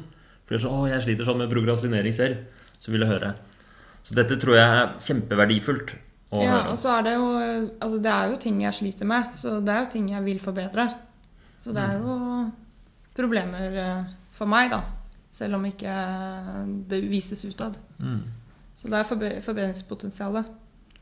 Hva tenker du nå, da? Altså, du er Som vi snakka om sist, så er det jo i et sånt Du har jo et ganske godt år allerede, da. Mm. Med alle de tingene du har begynt med, og tennis, og nå har du begynt å date òg, i tillegg. Så um, Hvis du skulle konkretisert, eller hvis du skulle sittet igjen med noe um, herfra, da, hva er det du liksom har ta med deg, og hva er det du vil jobbe med videre? Eller hva Nei, det er todelt. Det ene er jo at det er eh, utrolig mye positivt som har skjedd og skjer. Men det andre er jo at eh, jeg ser jeg har en del utfordringer. Og mange av de må jeg nok jobbe med i mange år fremover, da. Sånn som det der når jeg ikke har Jeg har en hel dag til disposisjon. Hvis jeg ikke har noe avtale, så eh, Ja, så blir det eh, til ingenting. Og der er jeg jo fortsatt litt eh, usikker på hvordan jeg, hvordan jeg skal komme ut av det.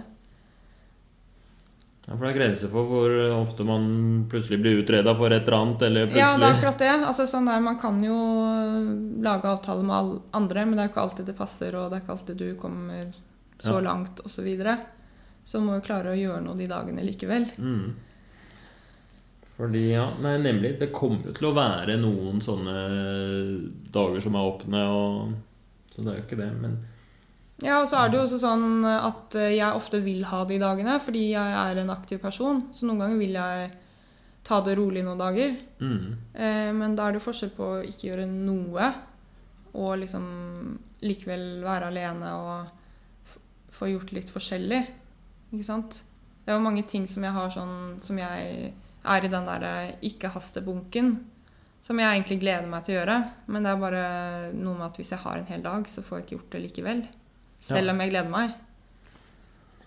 Jeg tenker i hvert fall eh, Så er det der en veldig Jeg tror når du har den innsikten at ok, disse, disse hele dagene dette, Altså Det som en sånn hel dag representerer, er jo på en måte mangel på rammer. Og mm, noen Der er folk veldig forskjellige. Noen elsker å ha en hel fridag, for de har på en måte evnen til å bare eh, organisere seg sjøl sømløst gjennom en eh, dag på en sånn spontan, ledig måte.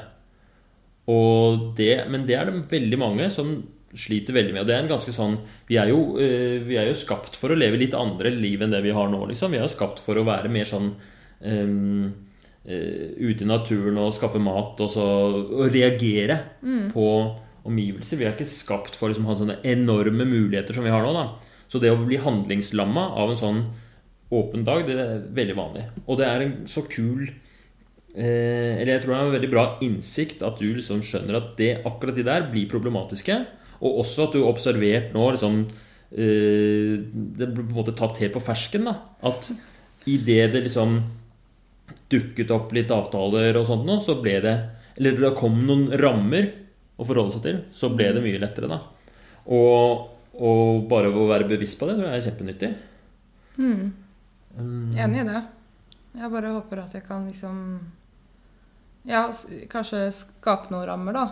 Altså, jeg er jo voksen, jeg burde klare å legge noen grenser på en eller annen måte.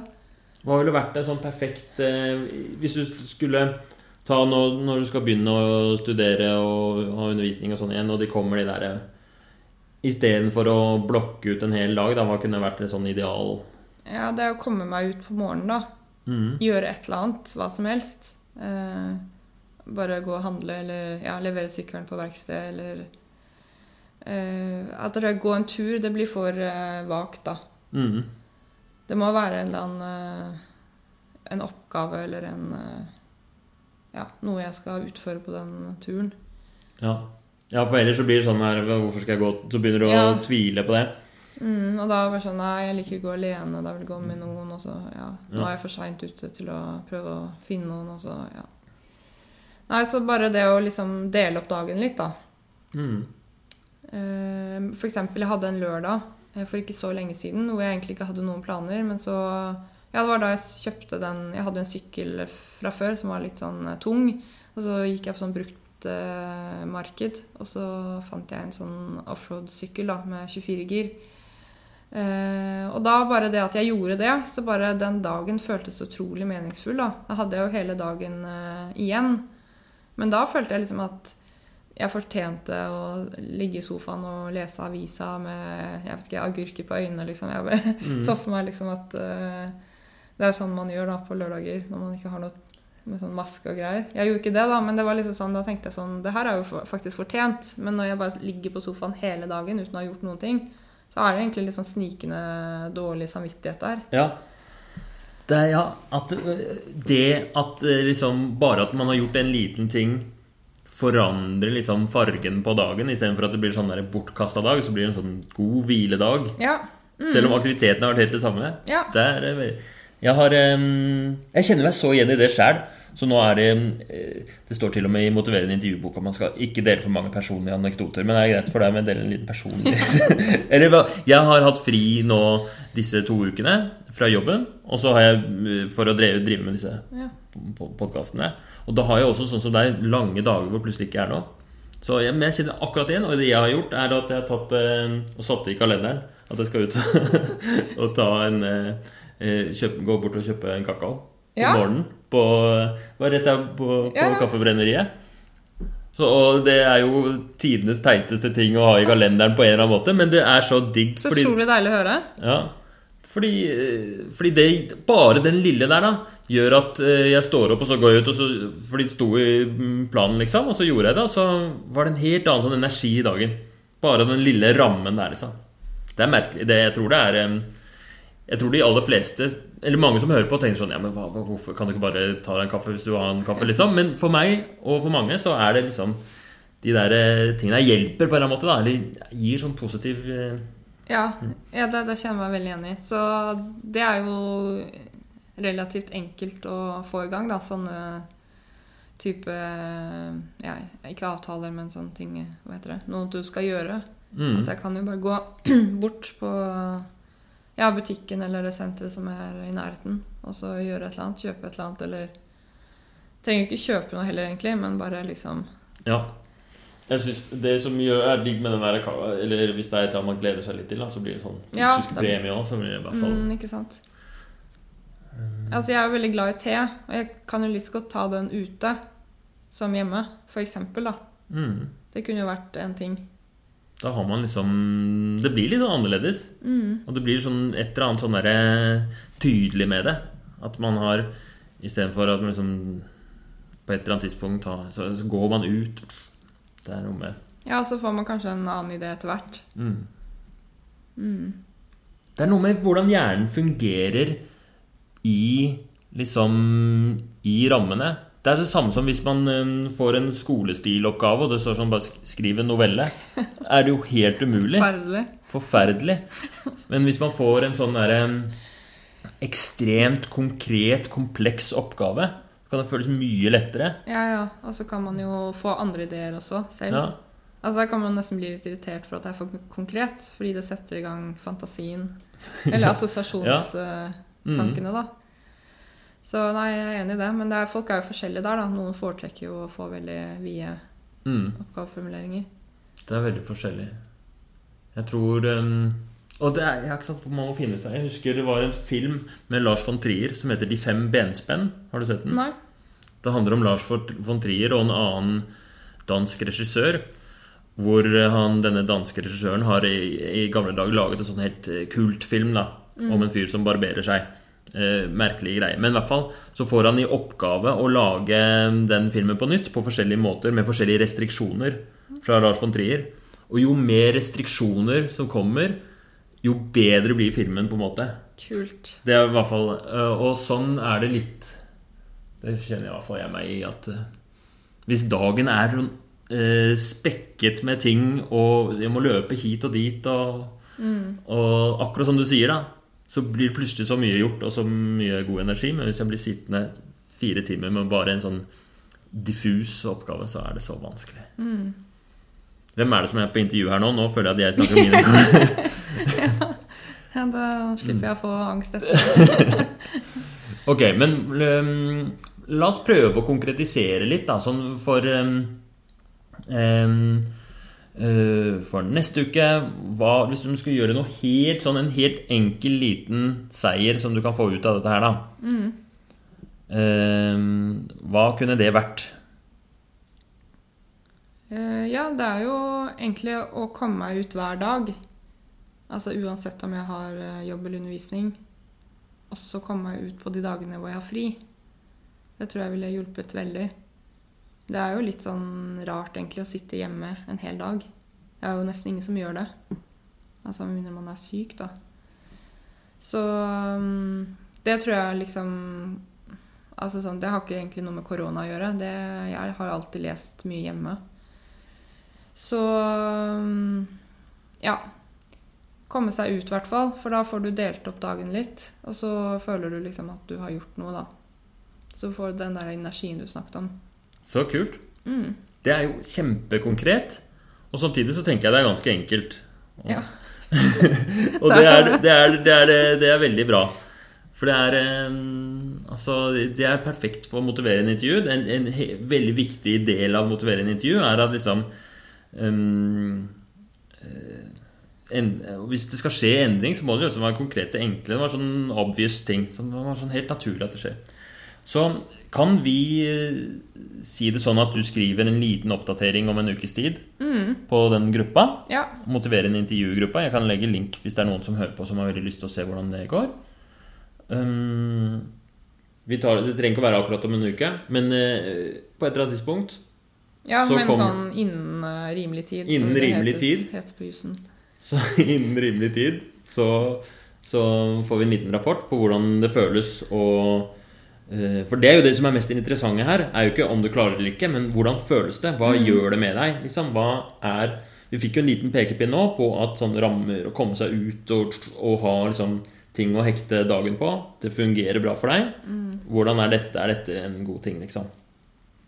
Så er du, du er et eksperiment. Og så kommer alle som eh, som eh, sliter med prokrastinering, til å følge nøye med og tenke liksom, kanskje dette er noe jeg kan prøve på. Ja, det får vi håpe, da. Tusen takk for at du har vært med. Er det noe mer um, vi burde gå innom, eller noe mer du tenker er viktig å Nei, jeg syns det har vært eh, hyggelig. Spennende. Så bra. Så jeg er inspirert til å gjøre endringer, eh, positive endringer i livet mitt. Er du blitt motivert? Jeg har blitt motivert. Jeg har det. Det er jo liksom blandende, blandede følelser, da. Man mm. ser jo at man har ting som bør eh, endres. Og ting som man er litt usikker på om kan endres, liksom. Ja. Men eh, jeg er jo en god, eh, et godt sted i livet akkurat nå, så da er det liksom eh, Det er på en måte rette tidspunkt å jobbe med det på. Ja. Ja. Og det tenker jeg også øh, var så bra at kom godt fram da, i begge disse samtalene. At det var jo så Selv om øh, du som alle andre har liksom problemer og ting å ta tak i, liksom, så er det jo øh, Ting går jo så bra. Mm, ja, ja, ja, fordi det kunne ikke endret så mye i fjor, f.eks. Eller uh, egentlig i mange år jeg har vært, hvor det har vært uh, Ja, hvor det ikke nesten hadde vært noe poeng å sette i gang et sånt prosjekt. For det ville vært liksom Alle nederlag ville bare vært liksom i en stor sånn nederlagsbalje. Ja. Ja. Så man må jo liksom, hvis man skal sette i gang sånne prosjekter, så bør man egentlig være i et litt sånn positivt sted. Hvis ikke så blir jo alle nederlag mye større enn de egentlig er. Det er så viktig. Hvis det er noen der ute som driver med motiverende intervju, eller som har pasienter og sånt, og man driver med endringsprosesser, så er det det du sier her, er liksom noe av det viktigste. da, Å legge til rette for uh, sakte, men sikkert Altså mestring er viktigere enn en, liksom endringen i seg sjøl. Ofte. Hvis man gjør en bitte liten endring som gir en eller annen form for mestring, så, så jeg hadde en pasient en gang som hadde så mye problemer. Røyking, overvekt og mm, var bodde på et sykehjem pga. alle sine sykdommer. Og hadde også masse psykiske lidelser. Jeg har fått lov av vedkommende og jeg snakker om eh, denne pasienten i foredrag og sånn. da. Og eh, også hun hadde schizofreni, hadde vrangforestillinger. Jeg tror hun røyka eh, 60 sigaretter om dagen. Men hun orka ikke å gå flere ganger enn det bort til verandaen, for hun var så overvektig og sliten og smerter og alt. ikke sant? Så brukte sånn nikotinspray i tillegg. Og um, Så vi, hadde, vi jobba over en periode og hadde motiverende intervjuer og sånt nå. Og det som eh, De som jobba på sykehjem, var sånn Nå må de få henne til å slutte å røyke. Men det var jo ikke hun interessert i. Hun hadde glede av det. Eller, og det ville uansett vært for ambisiøst der og da, der hvor hun var. Så det målet vi hadde fra den ene uka til den andre, var sånn at eh, røyk så mye du vil. Eh, det var viktig for henne, liksom. Spis hva du vil. Så mye cola og saft og alt. liksom ikke, Trenger ikke å endre noe. Men hvis du skal velge én ting, hva skulle det vært? liksom? Bare mm, gjøre kanskje finne et eller annet sånn positivt som du tenker selv. Og da kommer det fram Ja, men den Jeg pleier å spise sukkerbiter rett fra skåla, liksom, til kaffen. Og det er kanskje litt unødvendig når jeg har alle disse problemene. Og så ok, da ser vi på det neste uke. Og så hadde hun da til neste uke så hadde hun fortsatt drukket litervis med saft. ikke sant? Så, så den reelle endringen i sånn sukkerinntak var ikke betydningsfull i det hele tatt. Men for henne så var det en skikkelig seier. Hun hadde klart det. Hun var sånn, Her, Herman, jeg klarte det! Ikke en eneste sukkerbit. Hun hadde, men hun sa sånn Jeg, klar, jeg røyk på en smell en av dagene, for da fant jeg en sukkerbit i lomma. Ja, ja, ja. Men og da klarte jeg ikke. Det var ikke fra skålen. Men det er også en annen ting med det der, at Mm. eh, når du jobber med eller får mye tilbakemeldinger fra folk, enten om det er venner eller terapeuter eller familie, og så eh, du sier til henne at eh, bare spis og drikk eller røyk så mye du vil. Eh, det er liksom det at ofte så når du holder på sånn, så selv om jeg ikke har akkurat de samme problemene, så er det sånn at eh, det er sånn dobbel mislykkethet. At liksom du vet at det er ille fordi folk sier det til deg, og så i tillegg så vet du at det er dårlig for deg, da. Enten om du har en slags tvangsspising, eller om du bare spiser deg veldig usunt, ikke sant. Men det der med at du sa at bare, bare spis og nyt livet, liksom, men jobb med det du eh, Jobb med det, det du kan, da. Det gjør at man liksom føler seg så utrolig mye lettere til sinns, og liksom får sånn ekstra energi til å klare akkurat den oppgaven. Når du slipper å ha dårlig samvittighet for alt det andre du gjør galt også. Så det, jeg kjenner meg veldig igjen i det. Når du sa det der til henne, da, du forteller den historien, bare spis og røyk, liksom. Da kjente jeg at jeg ble veldig sånn lett inni meg. At det liksom, jeg kunne overføre det på de tingene jeg gjør, da. Det ikke skal ha dårlig samvittighet for alt. Absolutt alt jeg gjør hele tiden. Mm. Så det var eh, Ja, det er nyttig. Så kult. Tusen takk for at du var med. Ja, takk for at jeg fikk være med. Og så snakkes vi på, den, eh, på gruppa. Ok, det var intervjuet og oppfølgingen med Tale som ville slutte å prokrastinere. Jeg syns det her var en fin samtale. Som mange andre samtaler så var denne problemstillingen ikke helt avklart fra starten, så vi brukte en del tid på å utforske hva Tale egentlig ville endre på. Jeg tror vi kom fram til en endring som var viktig for henne, men det kunne like så greit vært noe annet vi snakka om, og det hadde vært helt fint. Når man har med så reflekterte og liksom kvikke gjester som Tale å gjøre, så skal det ikke så mye til å få til et godt motiverende intervju. Egentlig så er det bare å stille noen åpne spørsmål, og så ser man de bare løpe av gårde, liksom. Jeg syns det var spennende å snakke om akkurat utsetting, eller altså prokrastinering, for det er noe jeg har slitt mye med selv gjennom livet. Og syns Tale beskrev veldig godt hva som skjedde inni hodet hennes når hun utsatte ting. Jeg tror hun belyste noen ganske sånn viktige psykologiske mekanismer ved prokrastinering. For det første, jo viktigere oppgaven hennes var for henne, jo mer utsatte hun. Dette er, det er jo veldig rart, men jeg tror ikke det er så uvanlig. Hvis noe blir skikkelig big deal, så kommer det liksom mer frykt og motstand på banen, og det blir vanskelig å sette i gang og håndtere oppgaven. I tillegg, så jo mer tid hun hadde blokkert ut til oppgaven, jo vanskeligere var det for henne å komme i gang. Jeg tror det her henger litt sammen. At ved å blokke ut tid og ha høye forventninger til et arbeid, så blir ting så stort og opphauset i hodet, og det blir mer motstand mot å bare gjøre det. Det var interessant at Tale hadde erfaring med at det hjalp å ha litt sånn småavtaler og ting hun gledet seg til planlagt rundt de store arbeidsoppgavene. Da blir kanskje arbeidet litt mindre skremmende. For min egen del så har jeg stor glede av å gjøre nettopp det. Stykke opp arbeidsdagene, dele opp oppgavene i mindre og mer overkommelige biter, og legge inn pauser og aktiviteter jeg liker. Jeg ønsker Tale lykke til videre med utsettingen. Takk for at dere hørte på. Og send gjerne spørsmål eller tilbakemeldinger på Messenger eller på Instagram til Herman Egenberg. Takk for nå!